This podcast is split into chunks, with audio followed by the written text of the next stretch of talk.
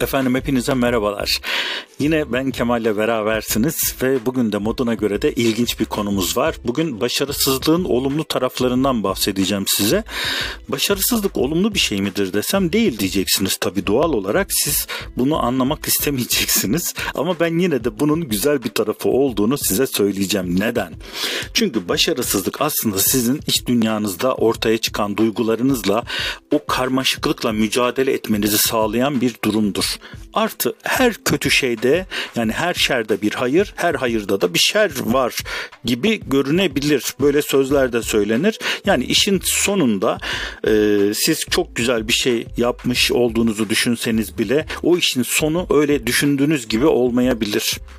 İşte evinizi alırsınız, arabanızı alırsınız, her şeyinizi yaparsınız, çok mutlusunuz. E, ben buna Hatay örneği vereceğim. Çok sevdiğim bir dostum her şeyini kaybetti. Kredisiyle almıştı. Mutlu olduğu yıl son kredimi ödüyorum dedi ama bir anda deprem oldu. Allah'tan sağlığına bir şey gelmedi ve e, şunu gördüm dedi. İnsanın hayatından daha önemli bir şey yok dedi. Her neyse bu bizim başka bir konumuz. Ama başarısızlık e, takılınabilecek ya da çok böyle olumsuz olabilecek bir şey değil. Kendi hayatımla da ilgili size örnek verebilirim. Lise birinci sınıftaydım ve ailevi sorunlarımdan dolayı sınıf tekrarına kalmıştım e, benimle birlikte olan arkadaşların çoğu bir üst sınıfa geçmişti ve ben gerçekten çok üzülmüştüm. Ancak e, beni tekrar ettirdikleri sınıf o kadar başarısızdı ki e, ben o sınıf içerisinde birinci oldum, takdir aldım, öğretmenlerin en gözde öğrencisi oldum. Sonra beni çok güzel bir sınıfa verdiler. O sınıf içerisindeki arkadaşlıklarım hala devam ediyor.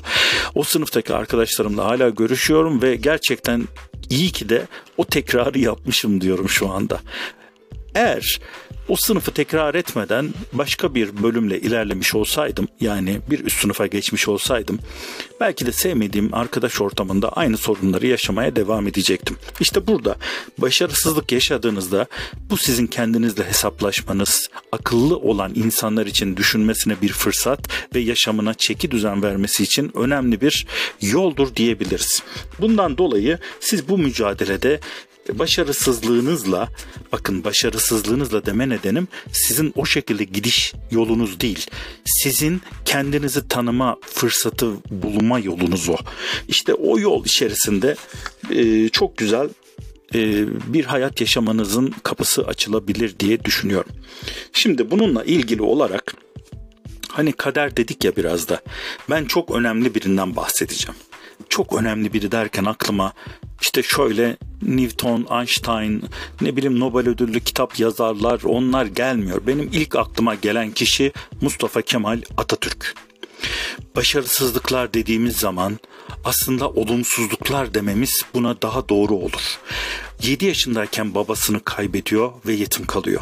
Yalnız ve içine kapanık biri olarak yaşamaya, oradan da oraya sürüklenmeye başlıyor. 8 yaşında okuldan alındı ve bir dönem köyde yaşadı. Zamanını tarlada kargaları kovalamakla geçiriyordu. 10 yaşında yüzü kanlar içinde kalacak şekilde yeni okulundaki hocasından dayak yedi. Ailesi onu okuldan aldı. Sinirden ve korkudan 3 gün evden çıkamadı. 17 yaşında hayalindeki okulun istediği bölümü için gerekli not ortalamasını bir dönem için tutturamadı. 24 yaşında tutuklandı, günlerce sorguya çekildi. 2 ay tek başına bir hücrede hapis yattı. 25 yaşı hayatının en genç döneminde Suriye'ye sürgüne gönderildi.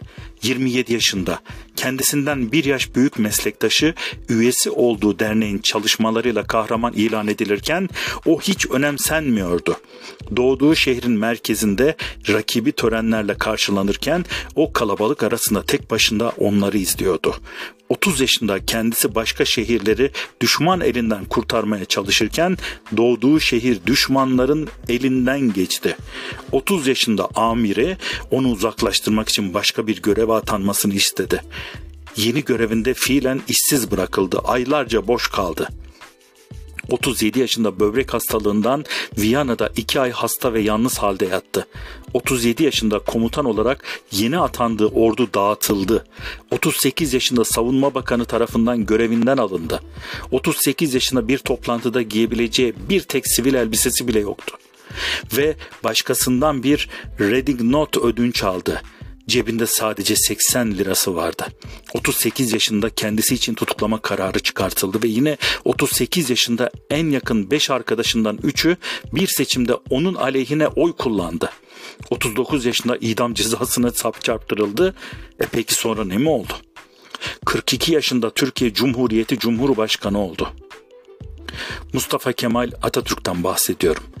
Başarınızın önündeki en büyük engel ne? Şimdi bunu sormanız gerekiyor.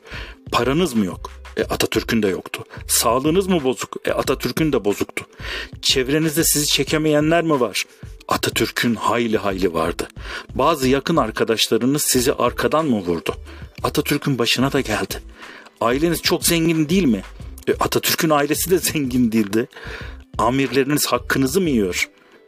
Atatürk'ün yendiği kadar emin olun yenmemiştir o hak. Sizden daha beceriksiz ama hırslı insanlar bir takım ilişki oyunlarıyla daha hızlı yükselip size amirlik mi yapıyor? Atatürk'ün de başına bunlar geldi. Geçmişte bazı denemelerinizde başarısız oldunuz. Atatürk'e bu tür şeyler çok fazla oldu. En kötü ihtimalle hakkınızda idam fermanı çıktığı için mi başarılı olamıyorsunuz? E Atatürk bunu yaşadı gündelik hayatta karşılaştığımız küçük kişisel sorunlar büyük başarıların önünde engel değil. Atatürk kişisel kurtuluş savaşıyla ülkeyi kurtarma savaşını birlikte götürebildi.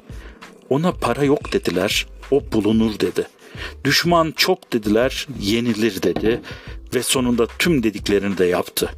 Atatürk'ün gençliğe hitabesinde niçin vazifeye atılmak için içinde bulunduğu vaziyetin imkan ve şeriatini düşünmeyeceksin dediğini sanırım daha iyi anlamışsınızdır.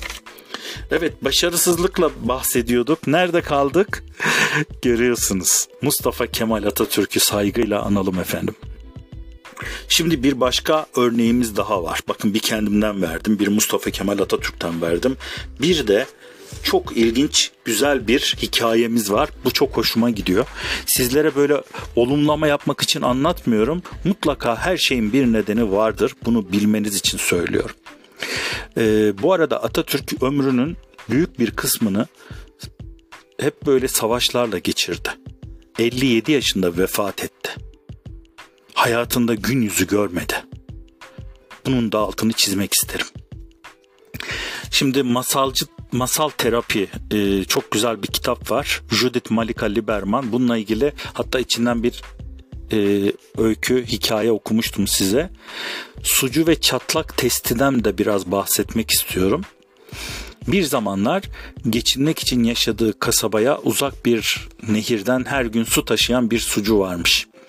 Su taşımak için omuzunda dengede tuttuğu iki sopanın bir sopanın iki ucuna iki toprak testi asıyormuş. Testilerden biri parlak kırmızı renkte, düzgün ve tamamen su geçirmezmiş. Diğeri ise eski solmuş ve biraz çatlakları olan testiymiş. Hatta sucu yolda giderken biraz da su sızdırıyormuş. Zaman geçtikçe testinin çatlakları öyle artmış ki sucu kasabaya ulaştığında taşıdığı suyun ancak yarısını getirebiliyormuş. Testi her gün daha fazla su sızdırmaya başlıyor ve adam hiç düşünmeden o kocaman, o uzun yolu e, bu şekilde geçiriyormuş. Testi için bu durum öyle utanç kaynağı haline gelmiş ki sonunda utancını fazla gizlemeyerek sucuya seslenmiş. Sahip, lütfen beni artık kır, at beni, kurtul benden. Bu ıstıraba artık ben katlanamıyorum. Ben artık suyu tutamıyorum. Benim kusurlarım yüzünden sen her gün iki kat fazla çalışmak zorunda kalıyorsun. Benim yerime işini daha iyi görecek bir testi al ne olur. Böylece daha az çalışıp daha çok kolay para kazanırsın. Lütfen bu ıstıraba bir son ver. Testiyi taşıyan adam ah demiş. Sen kendin hakkında böyle mi düşünüyorsun? Öyleyse lütfen izin ver de yarın nehirden dönerken sana bir şey göstereyim. Ve ertesi gün iki testiyi de doldurup her zaman yaptığı gibi birini sopanın sağına diğerini de çatlak olanı soluna takan sucu patikanın sağını işaret e, ederek sormuş. Ne görüyorsun söyle.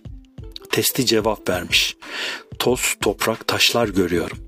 Bunu duyan sucu yolun sol tarafını göstererek tekrar sormuş. Peki bu tarafta ne görüyorsun? Testi de cevaplamış. Bu tarafta çimen, yabani otlar, çiçekler var. Sucu evet demiş. Bu güzelliği her gün patikanın bu tarafına biraz su damlatarak sen yarattın. Toprağın susuzluğunu giderdin. Uyuyan tohumlara can verdin ve açan çiçekleri sen besledin. Her hafta patikanın bu yanından çiçek toplayıp karıma götürüyorum.